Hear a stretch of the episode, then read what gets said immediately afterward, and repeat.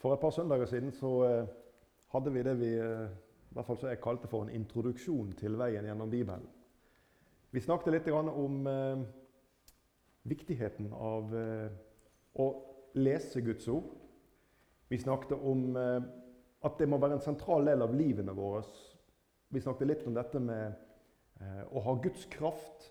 Det å ha kjennskap til og kunnskap om Skriftene og om Guds kraft. Og hvor viktig det er for vår åndelige overlevelse. Og at det er viktig i forhold til å ta vare på den gleden som Jesus ønsker at du og jeg skal ha i våre hjerter, vi som tror på Han. Vi skal begynne på denne veien gjennom Bibelen. Og som Erlend sa her når han hadde innledning, så vet vi helt hvor eh, lang veien blir. Det er kanskje litt spøkefullt sagt, men tingen er at vi begynner i dag i første Mosebok, og vi skal begynne helt fra begynnelsen. Og så får vi stoppe for eh, noen deler utover eh, etter hvert som vi blar oss bakover i Bibelen. Men det er slik at eh, det ordet dere hører her i dag, iallfall fra meg, det er for min del så er det ferskvare. Jeg har det ikke sånn at jeg får forberede møtene veldig lang tid i forveien. Sånn at punktum for dette det ble satt like før jeg kjørte her til menighetshuset i dag. Men sånn er det med Jesus. Han gir oss eh, ikke bare i Det gamle testamentet manna. Han gir oss manna òg på veien. Han gir oss nok til hver dag. Og Vi trenger ikke å samle opp den dagen når det var ordentlig herlig og tenke at det skal være nok til alle dager deretter. Vi kan bare være i forventning til Jesus, for han har ny manna til dagene som ligger foran. Og Det går an å leve i et tillitsforhold til Jesus i dette i det personlige kristenliv. Og det fungerer òg veldig godt å leve sånn med Jesus i forhold til forkynnelse. Takk, Herre, for eh, de ord vi har fått lytte til til nå. Takk, Herre, for sangen vi har fått hørt, for nattverden vi har fått delt. Og nå ber vi, Herre Jesus, gjest oss du, og la oss få oppleve i våre hjerter at vi forstår ordet ditt, og før oss du på denne veien gjennom ditt eget ord, Herre, at det kan bli til lærdom, trøst. Kanskje noen ganger også, Herre Jesus, at vi blir refsa ved de ordene vi hører. Men gi oss å forstå det, Herre, og hjelp oss å forstå, Herre, at det du forteller oss, det er til vårt beste alltid. Velsign stunder for oss i ditt navn. Amen. Forrige søndag når jeg hadde denne gjennomgangen, introduksjonen som vi snakket om, så fikk jeg eh, vite etterpå eh, at vi hadde holdt på i 57 minutter. Det gikk ikke opp for meg eh, mens jeg sto her framme, før vi var kommet et stykke ut i teksten. Men uh, han ene satt med lyd og bilde her bak. Han sa til meg at uh, når du var kommet til plansje nummer åtte, så hadde du brukt 40 minutter, og da var jeg bekymra. I dag har jeg for sikkerhets skyld ikke tatt på meg klokka. Så nå skal vi se hvor lang tid vi skal bruke på dette. Vel Veien gjennom Bibelen. Vi skal ha en gjennomgang av uh, bøkene bakover. Og Vi skal stoppe for noen hovedpunkter. og det sier seg selv, Vi kan nok ikke stoppe for alle ting bakover. Men jeg har lyst til å få lov til å være med ved Guds nåde og få trekke opp noen linjer gjennom Bibelen sammen med deg. Eh, det å vise noen sammenhenger mellom disse bøkene som, som Gud har gitt oss.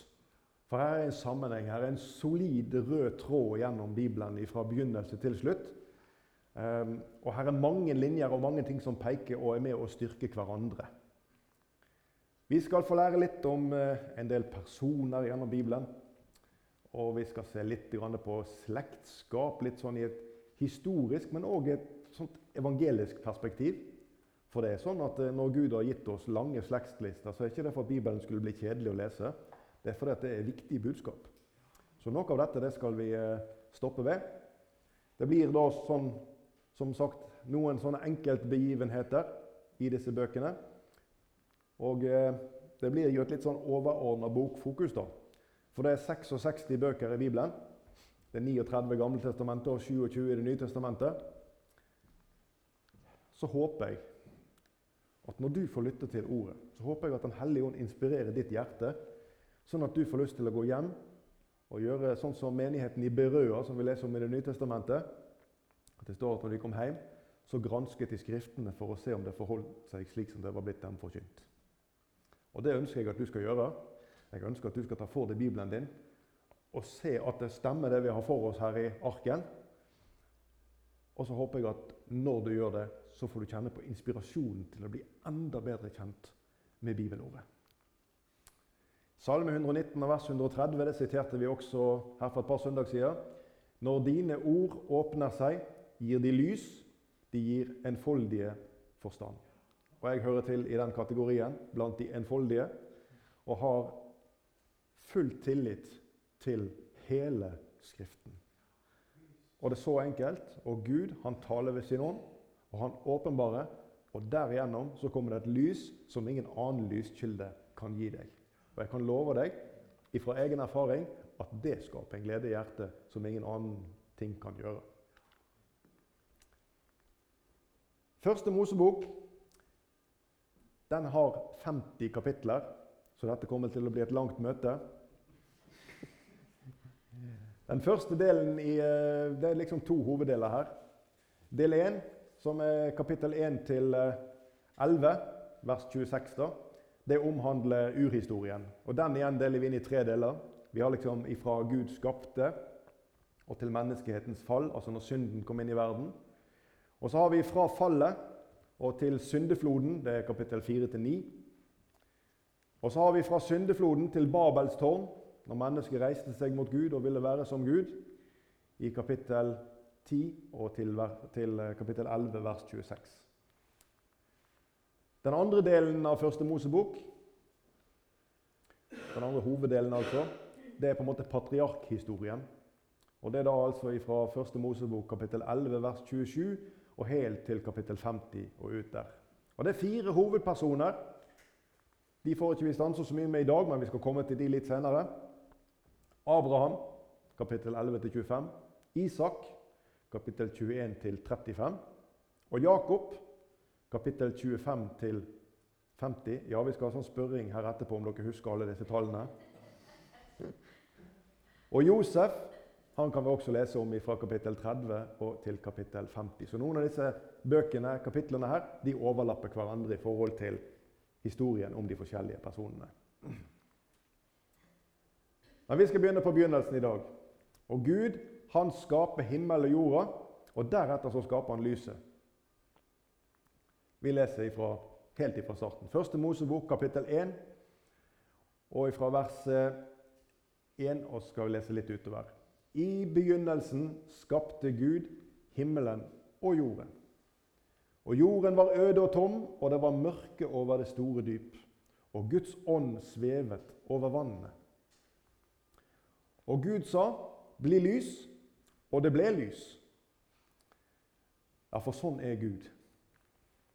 I begynnelsen så skapte Gud himmel og jorda. Det er mange som vil si at dette ikke forholder seg sånn. Men Bibelen den er 100% sann. Dette er Guds ord gitt til oss, og dette er min tro. At Gud skapte himmelen og jorden og, og alt det som fyller den. Jorden var øde og tom, og det var mørke over det store dyp. Men Guds ånd svevet over vannene. Akkurat den biten med at Guds ånd svevet over vannene, det skal du legge litt merke til. At det gjør at Guds ånd er universell.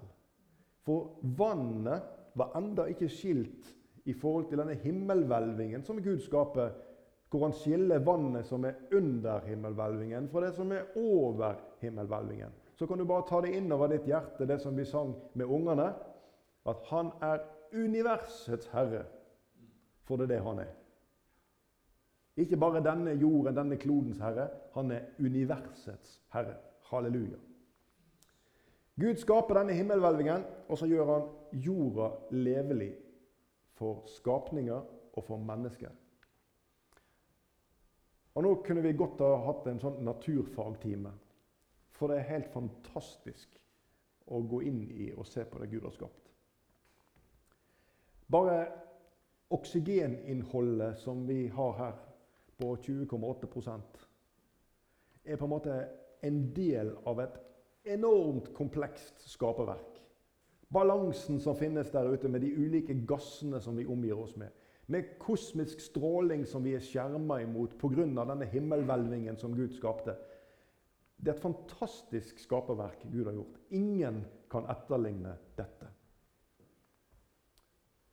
Første Mosebok kapittel 1 vers 7-8. Og Gud gjorde hvelvingen og skilte vannet som er under hvelvingen, fra vannet som er over hvelvingen. Og det ble slik. Og Gud kalte hvelvingen himmel, og det ble aften, og det ble morgen andre dagen.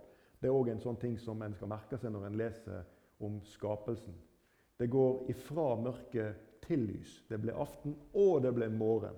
Det er på en måte en sånn Det er, vent, det er alltid vendt mot lyset. Det er ikke slik at det vendes mot det som blir mørkt. Det leser vi om eh, Judas når han gikk ut, og Jesus hadde dyppa brødet og gitt han. Og han gikk ut, står det, og det var mørkt.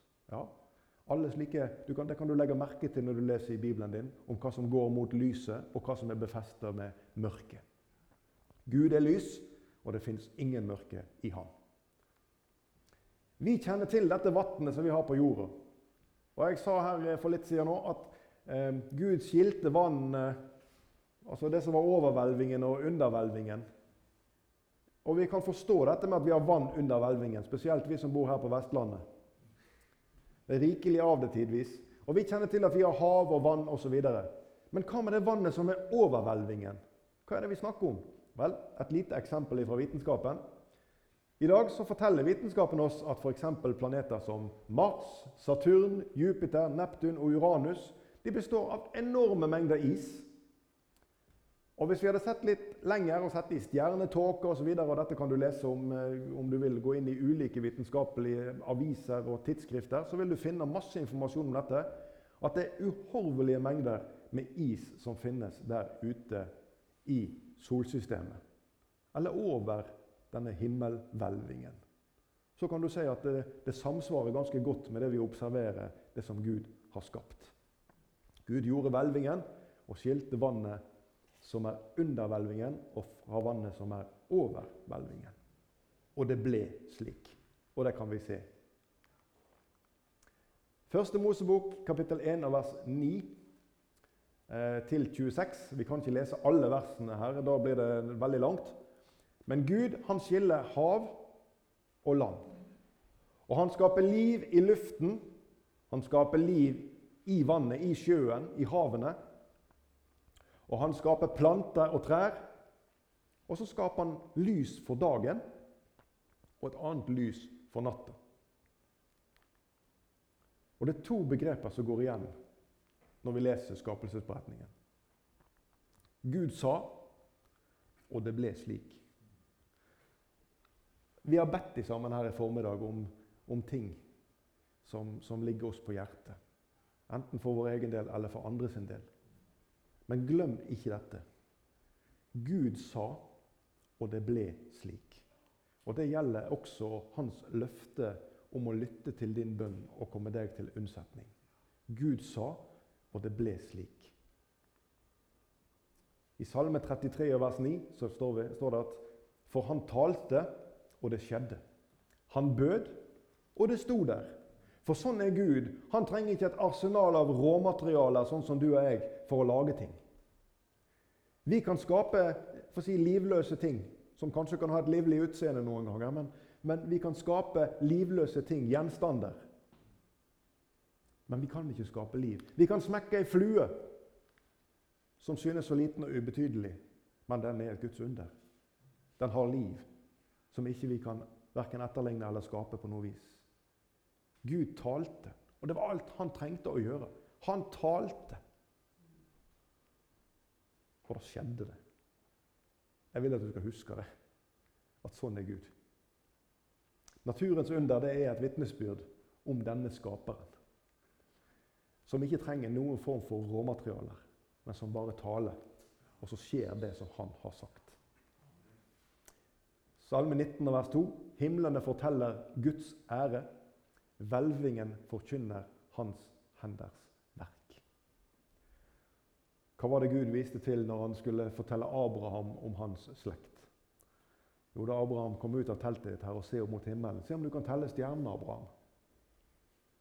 Gud viste til noe av sitt verk, og da blir mennesket lite. Så kommer vi til skapelsen av mennesket i første Mosebok, og vi skal lese noen vers der. Og Gud eh, skapte mennesket i sitt bilde. I Guds bilde skapte han det til mann og kvinne. skapte han dem. Vi leser verset før der, i vers 26. Og Gud sa, la oss gjøre mennesker i vårt bilde, etter vår lignelse, og de skal råde over havet, fisker, og over himmelens fugler, og over feet og over all jorden, og over hvert kryp som rører seg på jorden. Vi skal stoppe litt, eh, komme litt tilbake til akkurat dette med 'la oss gjøre mennesker i vårt bilde etter vår lignelse'. Men jeg ber deg òg om å legge merke til at dette handler om mer enn Adam. La oss gjøre mennesker i flertall i vårt bilde. Og denne menneskeslekten som Gud skapte, det er den samme menneskeslekten som lever i dag. Det er ikke et utslag av Darwins eh, evolusjonsteori. Dette er en unik skapning etter Guds bilde, som ikke er likt noe annet av det som Gud skapte. Det er den eneste skapningen som Gud skapte, og som det står så fantastisk flott skrevet om, om når han skapte Adam.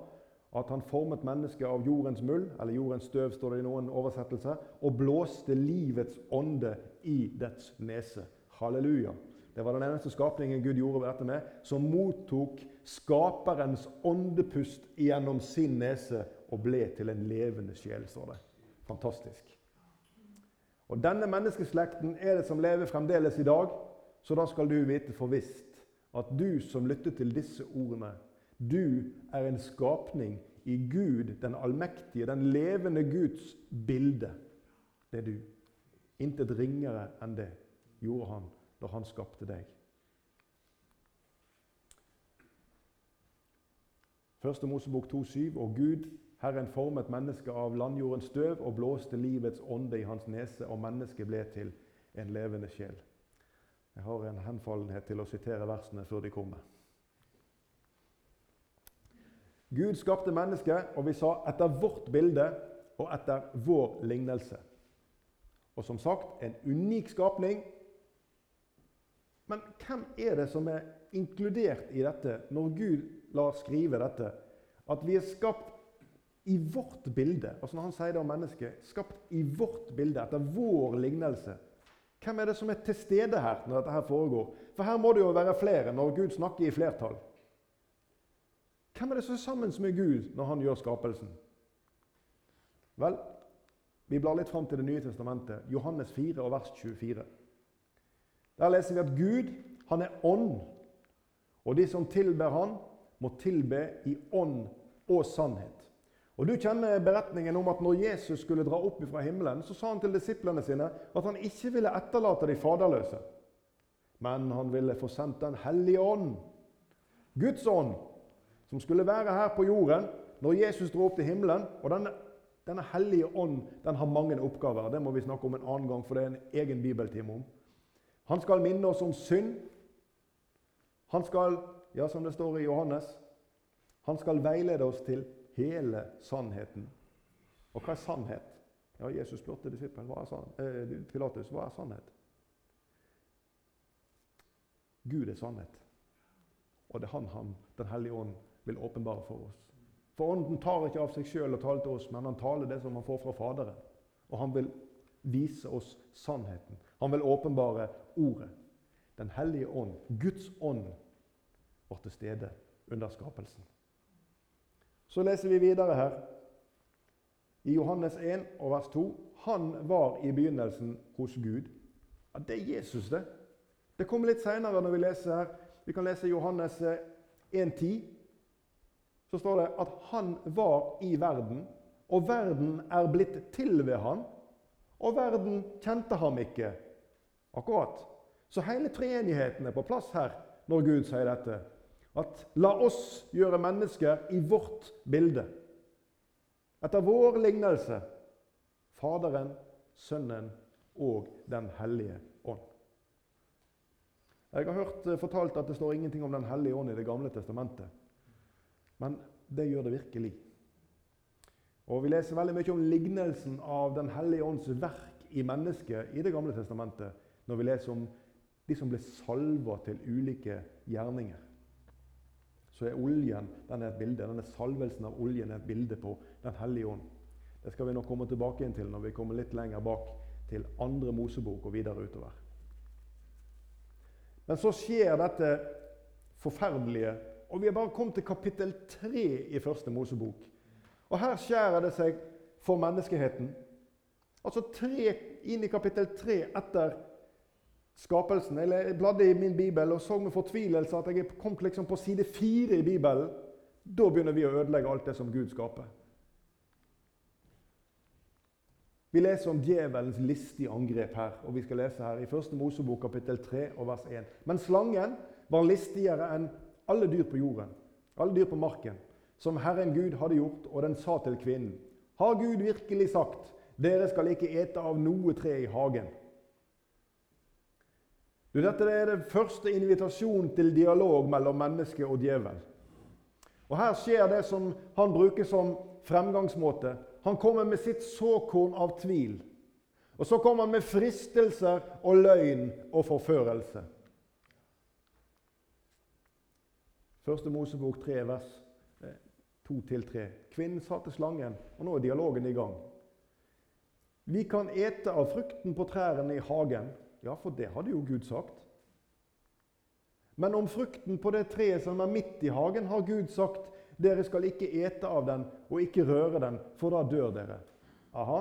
Så Eva går i rette med slangen litt her i denne dialogen. Nei, Gud har ikke sagt at vi ikke kan ete av noen av trærne. Vi kan ete av frukten på trærne i hagen, men det der ene treet der, der, det har Gud sagt at det må vi ikke røre, for da dør vi. Og setter djevelen inn sitt neste støt, vers 4-5. Da sa slangen til kvinnen, dere kommer slett ikke til å dø.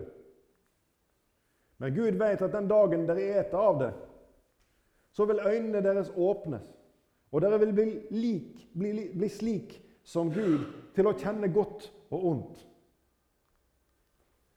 Ser du hvordan djevelen arbeider?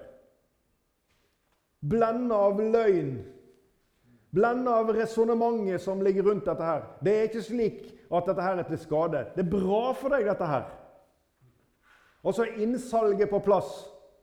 En appell til at du må jo forstå at når, når, når Gud legger begrensninger her du, du, hvis, du, hvis, du, bryter med dette, bare hør på meg. Så skal du få oppleve å se at dette skal bli deg til glede. Og så er det menneskets intellekt som kommer på plass her. Ja, dette med å sørge for seg sjøl, dette med å ønske seg sjøl det aller beste. Og så er fristelsen på plass her, og så går mennesket i feller. For første gang. Og så skjer dette. Legg merke til hva som nå har skjedd med kvinnen i vers 6. Kvinnen så nå at treet var et godt å ete av, og at det var en lyst for øynene, et prektig tre, siden det kunne gi forstand. Så tok hun av fruktene og åt, og hun gav også sin mann som var med henne, og han åt. Ser du hva som har skjedd med kvinnens perspektiv i forhold til det treet som Gud har forbudt etter et møte med djevelen? Det som var forbudt, det fremstår nå som noe som skulle være virkelig godt å ete av. Det var jo mange andre trær der som var gode å ete av. Men dette som ikke var lov å spise av, ja, nå er det blitt veldig prektig. En lyst for øynene. Og ikke bare det. Det ga jo fordeler å spise av dette treet, så en kunne jo oppnå forstand. Så tok hun av fruktene og åt, og så ga hun til sin mann, til Adam, som var med henne. Ikke sånn at Adam han var hjemme og gjorde noe annet, og så kom Eva og så lurte hun han til å spise noe av denne frukten, her, og han visste ikke hvilket tre det kom fra. Adam var med henne, og han åt. Så kommer møtet med, med Gud. Tenk hvordan Gud hadde tenkt at dette her skulle være. Han var der. Han vandret i hagen, i menneskets nærhet. Der var Gud og vandra like ved mennesket. De fikk være sammen med han. Og så kommer Herren og vandrer i hagen. Og så spør han i 1. Mosebok kapittel 3 vers 11.: Har du ett av treet jeg forbød deg å ete av? Vers 12 og 13. Adam sa, Kvinnen som du ga meg, til å være hos meg. Hun gav meg av treet, og jeg åt. Gud, det er egentlig din skyld, dette her. Du har gitt meg denne her kvinnen, og hun har tatt av dette treet, og hun ga til meg, og jeg spiste. Ser vi allerede syndens konsekvens? Ser vi hvordan fokuset på å skylde på noen eller ikke ta ansvar for Ser vi hvordan det rir mennesket etter dette første feiltrinn? Da sa Herren til Gud til kvinnen, 'Hva er det du har gjort?' Og jeg må si, Når jeg har lest dette, her, så har jeg tenkt noen ganger ja, hva er det vi har gjort? Hva er det vi har gjort imot Gud, som skapte alt det perfekte? Som skapte oss i sitt bilde? Som ønsker fellesskap med oss? Og så velger vi bort fellesskapet med Han pga. billige og uviktige løsninger som djevelen forkynner inn i våre liv. At 'dette må du ha'. Og så tar det sin plass. Og så ødelegger det for fellesskapet med Gud. Ikke forandret. Det er ikke annerledes enn det var denne gangen. Kvinnen svarte, 'Slangen dåret meg, og jeg åt'. Og Jeg er ganske sikker på at akkurat dette, denne setningen den kan vi bare ta del i i våre hjerter. Slangen dåret meg, og jeg åt. Bortvist ifra hagen. Det ble konsekvensen. Bortvist ifra fellesskapet med Gud.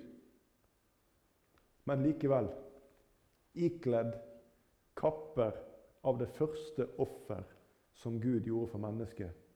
Han som enda drog omsorg for disse, som han bortviste fra sin nærhet. Mennesket i sin syndige natur kan ikke ha fellesskap med Gud, kan ikke være i Guds nærhet. Kan ikke bli utsatt for Guds hellighet. Så Gud viste de ut. Men de første dyrene som måtte dø, det skjedde her. For Gud han trengte pels, han trengte skinn til å lage klær til disse to. Første Mosebok 3,21. Og Herren gjorde kapper av skinn til Adam og hans hustru og kledde dem. Til tross for fallet. Han kledde dem. Du, er ikke kommet lenger enn når vi bare blar litt i nærheten av det vi nå har lest i sammen. Så ser vi om det første drapet som skjer imellom menneskene, med Kain og Abel. Kapittel 4, vers 8-9. Kain talte til Abel sin bror. Og da de en gang var ute på marken, for Kain løs på sin bror Abel og slo ham i hjel. Da sa Herren til Kain, 'Hvor er Abel, din bror?' Og han svarte, 'Jeg vet ikke. Er jeg min brors vokter?' Ser du hvordan dette fallet har ført mennesket inn i de tingene som vi leser om djevelen? Han som er løgnens far.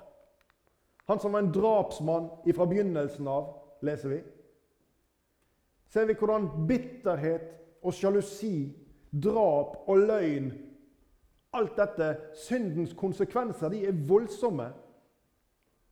Og Når du kommer hjem og i løpet av ettermiddagen kvelden slår på TV-en din, og så ser du på nyhetene, så ser du den samme, den samme rammen, de samme tingene, fundamentert på den samme ondskapen som konsekvens av det som skjedde i hagen for lenge siden. At synden har tatt bolig hos menneskene og at djevelen ved sine listige angrep stadig fører mennesket på avstand fra Guds vilje og vei og ut i sin egen elendighet. 1. Peters brev, kapittel 5 og vers 8. Der leser vi Vær edrue og våk. Deres motstander djevelen går omkring som en brølende løve og søker noen han kan oppsluke. Du, dette det er alvoret over ditt og mitt liv. Djevelen, deres motstander, står det her og han er. Han er din motstander, du som har tatt imot Jesus. Han ønsker å rive deg bort fra den enkle troen på Jesus. Han ønsker å bygge opp resonnement. Han ønsker å friste ditt intellekt til å tro at dette det, det, det kan ikke stemme. Det går ikke an at noen kan bare si noe, og så står det der sånn som vi leser om at Gud gjorde. Så prøver han å anvende all vår, ja, si all vår den begrensede forstand vi har, iallfall i et gudsbilde, til å sette sammen resonnementer som gjør at det blir en logisk tråd, som gjør at det blir besnærende for oss å tenke at det kan ikke være sant, det som står i denne boka som heter Bibelen. Og så er mennesket på full fart utforbakke, bort ifra Guds nærhet. Johannes 8,44 beskriver djevelen. Han var en drapsmann fra begynnelsen og står ikke i sannheten. For det er ikke sannhet i ham. Når han taler løgn, taler han av sitt eget, for han er en løgner og løgnens far. Ta ikke feil. Denne som vi leste om her i Johannes 8,44, han er aktiv hver dag. Og jo nærmere du ønsker å være kilden, jo nærmere du ønsker å leve med Jesus, jo mer vil han prøve å ødelegge for deg. Så ikke tro at det å ha et kraftfullt liv sammen med Jesus det er noe som skjer med å ha minimal omgang med Bibelen. Det skjer gjennom tett, et tett forhold til Guds ord, hvor Gud kan få virke, og hvor han kan få fylle ditt hjerte med kraft, slik at du kan seire over denne angrepsmannen som vi har lest om her. Da gjør du erfaringer i tro med Jesus. Har Gud virkelig sagt? Det er et ganske aktuelt spørsmål i dag.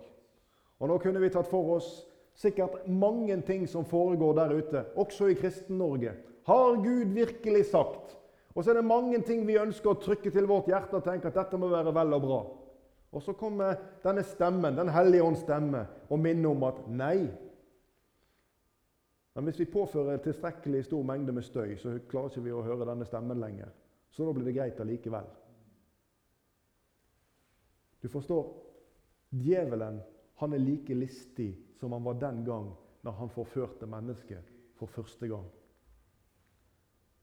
Men hvordan kunne mennesket hvordan kunne det virkelig ete forbuden frukt? Altså, Gud hadde jo sagt ikke dette treet, Adam og Eva, men alt dette andre. Dere får råde over fisken i havet, over dyrene og alle disse ressursene. Bare ikke ta av dette. Og så trosser mennesket dette Guds enkle bud. Hvordan kunne det skje? Det neste spørsmålet er egentlig hva er det som skiller mennesket fra sånne type fall i dag? Hva er det som skiller deg og meg fra å gå i den samme fella som Eva gjorde? Vi må lese litt. I Efeserbrevet kapittel 6 der kan du lese om Guds fulle rustning. og Vi skal lese noen av versene som omhandler dette. I vers 10-12 der står det For øvrig, bli sterke i Herren og i Hans veldige kraft. Ta på dere Guds fulle rustning, så dere kan holde stand mot djevelens listige angrep. Og Her ser vi igjen Bibelen påpeke det. For vi har ikke en kamp mot kjøtt og blod, men mot maktene, mot myndighetene, mot verdens herskere i dette mørket og mot ondskapens ånde her i himmelrommet. Og hvilke våpen vil du bruke i kampen mot denne her? Du skjønner, Åndelige seire kan ikke vinnes med verdslige våpen. Når Gud, eh, og Det kommer vi til senere i Mosebøkene. Når, når Gud ber Josva om å ta med seg folket og innta Jeriko, og så skal de gå rundt denne muren alle disse dagene, alle disse gangene Jeg er sikker på at det fantes ganske mye klaging og murring og sukking der i solsteiken med liten og stor som skulle være med å bli dratt rundt denne byen på en sånn støvfylt ferd.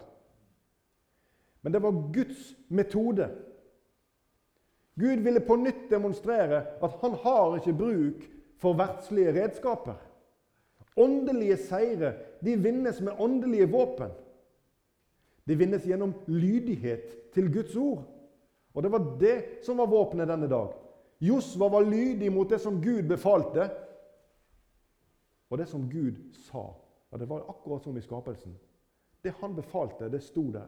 Det Gud sa, det skjedde. Da falt muren helt sammen, står det. Det var ikke sånn da falt byportens ene dør inn, sånn at to stridsmenn kom inn. Det var ikke sånn. Da falt muren helt sammen. Halleluja! For sånn er seieren for den som vil være i Jesu nærhet. Sånn er seieren til den som vil lyde Hans ord, som vil leve med Jesus i ordet hans og la det få ta effekt innover livet. Sånn er åndelige seire. Så hvordan blir vi da sterke i Herren og i Hans veldige kraft? Hvordan går vi frem for å få oppnå dette? Ja, det er et aktuelt spørsmål. Jeg håper det dirrer der i hjertet ditt der du sitter og hører på? Hva skal til for at jeg kan bli sterk i Herren? At jeg kan få ta del i denne kraften som du prater om? Vel, hva gjorde Jesus når han møtte fristeren? Når Jesus møtte djevelen etter 40 dager der ute i ødemarken i bønnen uten å spise, og djevelen kommer og sier til ham, du, 'Hvis du er Guds sønn, så kan du ta og gjøre denne steinen til brød.' Eller når han viser Jesus, 'Herre, er riker og land', Jesus. 'Bare kast deg ned og tilby meg, så skal du få alt dette.' 'For dette er gitt alt meg, og jeg gir det til hvem jeg vil', sier djevelen. Eller enda mer. Når han kommer til fristelse nummer tre og sier til Jesus i der oppe fra tempelhøyden Bare kast deg utfor her, for det står skrevet, sa djevel. Han viste til Bibelen. Tenk det. Det står skrevet at han skal gi sine engler befaling. Ja, Djevelen kan sitere Skriften, skjønner du. Han kan Bibelen, han vet hva som står der. Og han vet hva han skal vrenge og vende på for at du og jeg skal bli ført på avveie. Dette kan du lese om i Lukas 4. Det er bibelske referanser, og dette er viktig, som er tatt ut av sin kontekst, eller løsrevet fra den sammenheng som de står i, det er kjempefarlig. Da kan vi vrenne og vrenge på bibelordet til å bety det som passer best. Og det må vi vokte oss vel for. Jesus han sa til sadukeerne, Matteus 22, vers 29, dere farer vill fordi dere ikke kjenner Skriftene, og heller ikke Guds kraft. Du, her er det en sammenheng. Ser du den sammenhengen som Jesus peker på?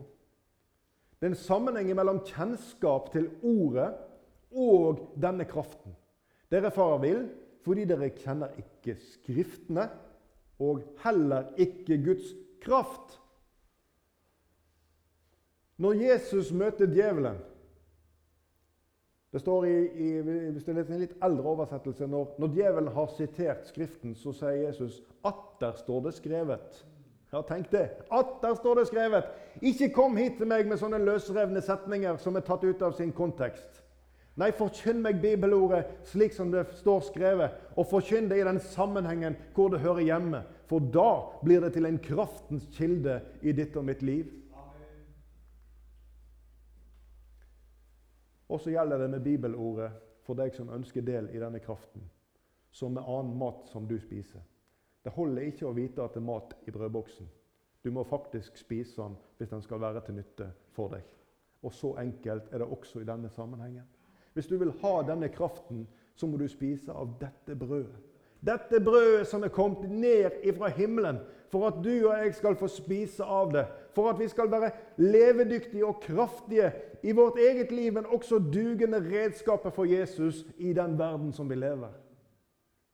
Og det ligger meg på hjertet å si til oss som er samla her, at du må spise åndelig føde og få oppleve kraftfullt liv sammen med Jesus.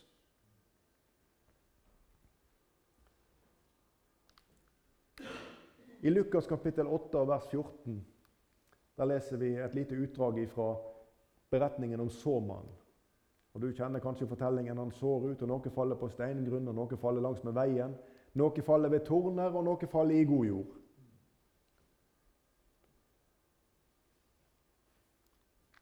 Men i mitt hjerte så er det en liten sorg over det som vi leser i vers 14. Det som falt blant torner, er de som hører mens de vandrer frem. Kveles de av bekymringer og rikdom og livets lyst, så de ikke bærer fullkommen frukt. Så mye Guds ord har vi imellom oss i menighet, i våre hjem, i Norge som blir kvelt av torner. Fordi at ordet får ikke båret fullmoden frukt. Fordi at det blir kvelt av disse tingene. Av bekymringer, av rikdom og livets lyst. Det er jo menneskelige aspekter. Og hva var det djevelen frista kvinnen med? Jo, han appellerte til hennes begjær, ønske om å oppnå noe som hun ikke allerede opplevde å ha. I alle fall når han fortalte det til henne. Og så var fristelsen et faktum. Slik er djevelen, og slik arbeider han i dag. Han tynger mennesker med bekymringer. Og Går det an til å være tynga av rikdom? Ja visst går det det. Alt som tar bort fokus ifra samfunnet med Jesus gjennom bibelordet, er inne i dette verset. Så hvordan kan vi da beskytte oss? Hvordan kan vi sørge for å bli stående i møte med alt dette? Vel, vi er tilbake igjen i Efeserbrevet kapittel 6 og vers 13. Ta derfor Guds fulle rustning på, så dere kan gjøre motstand på den onde dag og bli stående etter å ha overvunnet alt. Du, jeg har farga det rødt på teksten her for deg som sitter her i arken. Det står ikke noe her om at eh, Jeg forteller deg om at det finnes en rustning, og den kan du finne der og der. Eller Bibelordet det peker helt konkret her om at du må ta på denne rustningen hvis den skal være til hjelp for deg. For det hjelper ikke at den finnes i arsenalet. Du må være iført dette for at det skal hjelpe deg. Du må ha på deg sannhetens belte, og vi skal ikke lese alle disse versene, men noen hovedpunkt. Du må ha på deg sannhetens belte. Du må være iført rettferdighetsbrynje. Den dekker hele overkroppen. Denne brynjen er en del av kledningen som soldaten har, som dekker hele overkroppen, eller torso, som mange kjenner det som. Du må ha sko på føttene. Du må ha troens skjold, som det står så fantastisk om, som kan slokke alle den ondes brennende piler. Tenk det. Du må være iført frelsens hjelm, og du må ha med deg åndens sverd. Ser du hvilke, hvilke forsvarsverk Gud gir deg? Og alt dette det ligger i denne boka som heter Bibelen. Det er den han har gitt deg. Det er dette som skal være ditt forsvarsverk. Det som ligger på hylla og støver ned. Det er det som skal være din hjelp. Det er det som skal skape kraft i livet ditt. Og da må du og jeg tenke litt på hvilke prioriteringer vi gjør. Da blir det viktig hvor mange minutter det blir den stunden du har sammen med Jesus morgen eller kveld. For det er kraftens kilde. Her i ligger kledningen. Her i ligger beskyttelsen. Her i ligger våpnene som du skal møte denne listige eh, angrepsmannen med, som heter djevelen. Vi skal lande litt mot slutten her nå. Og jeg vil fortelle deg at Det var ingen overraskelse for Gud at dette fallet skjedde. Ja, Det visste han om. Når Gud skapte dette, så visste han om. I Efeserbrevet 1 vers 4.: For i ham har han utvalgt oss Og hør når det skjedde. Før verdens grunnvoll ble lagt. For at vi skulle være hellige og ulastelige for hans åsyn. Du, dette er en voldsom kontrast til det vi nå har lest om. Til hvordan vi som menneskehet har agert overfor Gud og kom på avstand ifra alt hans verk. Til tross for det så elsker han oss, står det å lese. Og det er vanskelig å forstå. I alle fall syns jeg det. Men han har i ham, står det, og det er Jesus, utvalgt oss. Tenk at han utvalgte deg i Jesus før han skapte verden. Så visste han om deg. Han visste om din livsferd. Han visste om de feil og mangler som du kom til å ha og pådra deg gjennom din livsvei. Og så utvalgte han deg. Før verdens grunnvoll ble lagt. Hvorfor gjorde han det? Jo, for at du skulle være hellig og ulastelig. Du Smak litt på de ordene. Når du står der og ser deg sjøl skyldig og dømt foran Gud. Medskyldig i alt som har skjedd siden fallet i hagen. Og Når du står der og betrakter Gud og ser deg sjøl og forstår at 'jeg kan ikke være i hans nærhet', 'Jeg kan ikke komme inn' Bibelen sier at du som tror på Jesus, er hellig. Du er som, hellig som Gud. Og ulastelig. Altså, Ingen kan laste deg for noe. Ingen kan beskylde deg for noe. Hvorfor det? For det tok han bort, skyldbrevet, da han naglet det til korset. Halleluja. Gud elsker syndere. Gud elsker meg, og Gud elsker deg. Og jeg håper du kan la deg begeistre ditt hjerte over dette. I Romerbrevet kapittel 5 og vers 8. Men Gud viser sin kjærlighet til oss ved at Kristus døde for oss mens vi ennå var syndere. Så forstå rekkefølgen her. Du har synder. Han har tilgitt. Og han tilgir deg herfra og til evigheten når du har tatt din tilflukt til han. Og Guds tilbud det gjelder fremdeles for enhver som har falt. Jeg kjenner ikke ditt liv. Men dette tilbudet det gjelder for hver som har falt. Og uavhengig av fall, og uavhengig av målestokken på fallet i menneskelige øyne. Hør nå ifra Jesaja kapittel 1 og vers 18. Kom og la oss gå i rette med hverandre, sier Herren. Om deres synder er som purpur, skal de bli hvite som snø. Om de er røde som skarlagen, skal de bli som en hvite ull. Da det finnes ingen rensemiddel som Jesu blod. Her holder ikke det med vanish og blender. Her må det kraftigere lut til.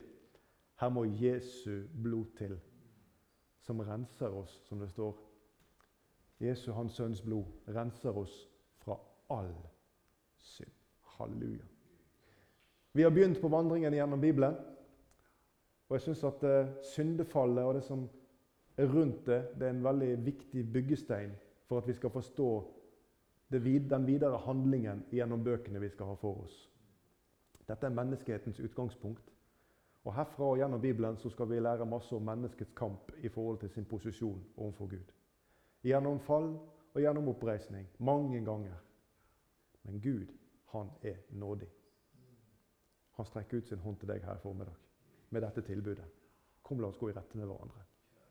Alt som skjedde nå i forrige uke, alt som gikk galt, alt som du har dårlig samvittighet for, alt som, bare kom her med det. Så skal jeg ta det bort, og så skal du bli hvit som snø. Herre Jesus, takk for ordet ditt. Takk, Herre, fordi at du vil eh, føre oss på veien. Takk for at du vil vise oss ordets betydning. Hjelp oss nå, Herre Jesus, å gripe, Herre, hva du har gjort for oss. Hjelp oss å forstå, Herre, hva det betyr at du gjør oss hellige og ulastelige. Og hjelp oss å trykke til vårt hjerte det tilbudet som du har gitt oss, Herre. Gi oss å være sterk i ditt ord, Herre. Gi oss kunnskap om ordet ditt, så vi kan bli stående på den onde dag. Herre, når djevelen kommer og frister oss på, med all sin kunst, Herre. Hjelp oss, Herre Jesus, å vise ham bort, Herre, og kunne vise ham til ordet ditt fordi at vi kjenner det. Amen.